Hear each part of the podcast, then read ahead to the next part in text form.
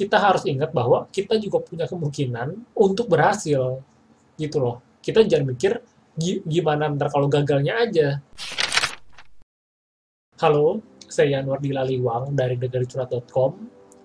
Untuk episode kali ini, saya mau bahas tentang hal yang namanya overthinking. Nah, saya yakin pasti kebanyakan dari kita, hampir semua dari kita, pasti pernah ngerasain atau punya pengalaman sama hal yang namanya overthinking.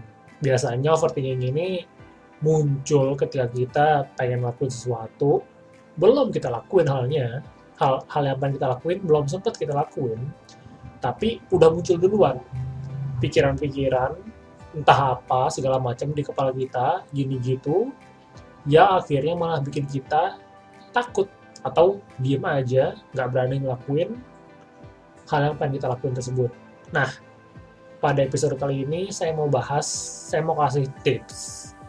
Beberapa tips yang udah saya praktekin sendiri, udah saya terapin di dalam kehidupan saya untuk menghadapi hal yang namanya overthinking. Semoga dapat Anda praktekin juga di dalam kehidupan Anda. Tips pertama itu kita harus ingat bahwa kita jangan mikir negatifnya aja.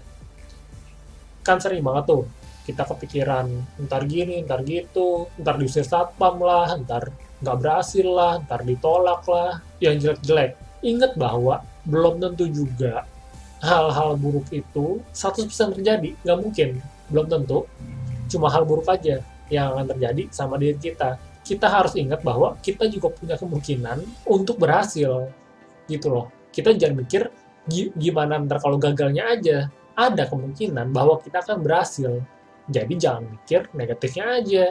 Pikirin gimana kalau seandainya kita laksek misalnya, laki sekali. Kita beruntung, hal yang kita lakuin berjalan sesuai dengan keinginan kita. Itu mungkin-mungkin aja. Jangan mikir cuma hal buruk aja yang akan terjadi sama diri kita. Itu yang pertama.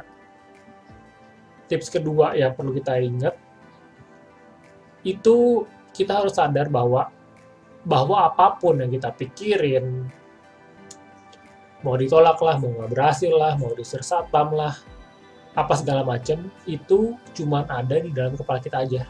Kenyataannya di luar sana belum tentu kayak gitu. Kita harus sadar tuh, biar ya kita kita nggak jadi terhalangi langkah kita sama hal-hal tuh yang sebenarnya yang cuma adanya di kepala kita aja ya padahal di luar sana tuh nggak ada kenyataan tuh nggak kayak gitu nggak nggak sesuai dengan kenyataan. Itu yang perlu kita ingat. Kenapa? Karena kalau kita kayak gitu kita sampai nggak gerak nih cuman karena hal-hal yang sebenarnya tuh cuman adanya di pikiran kita aja ya jatuhnya tuh kita halu. Ngerti nggak? Ngerti ya? Halusinasi seakan-akan hal-hal yang ada di kepala kita tuh udah jadi kenyataan padahal nggak kayak gitu keadaan sebenarnya kita nggak akan tahu apa yang terjadi kalau kita belum ngambil tindakan. Nah, hal ketiga yang perlu kita ingat, take action. Karena sama kayak yang saya bilang tadi, kita nggak akan pernah tahu hal apa yang akan terjadi kalau kita nggak ngambil tindakan. Kalau kita nggak lihat sendiri, nih kalau gue gini, apaan sih yang akan terjadi sama diri gue? Kita baru bakal lihat apa hasil akhirnya nanti setelah kita ambil tindakan. Jadi, bertindaklah jangan cuma diem aja nggak ngapa-ngapain. Kalah sama hal-hal yang ada cuma ada di pikiran kita doang. Jangan sampai kayak gitu. Take action. Go for it. Lakuin apa yang kita lakuin. Kalahkan overthinking sama tindakan. Sekian aja untuk episode kali ini. Jangan lupa juga untuk follow saya di Instagram. Dan like page saya di Facebook. Linknya semua ada di description di bawah kalau misalnya Anda dengerin episode kali ini via podcast atau via YouTube, tetap baca versi artikelnya di website saya, karena saya bahas lebih dalam lanjut tentang hal ini, di artikel yang saya tulis, linknya ada di description di bawah juga. Kalau gitu, sekian aja untuk episode kali ini. Sampai jumpa pada episode berikutnya.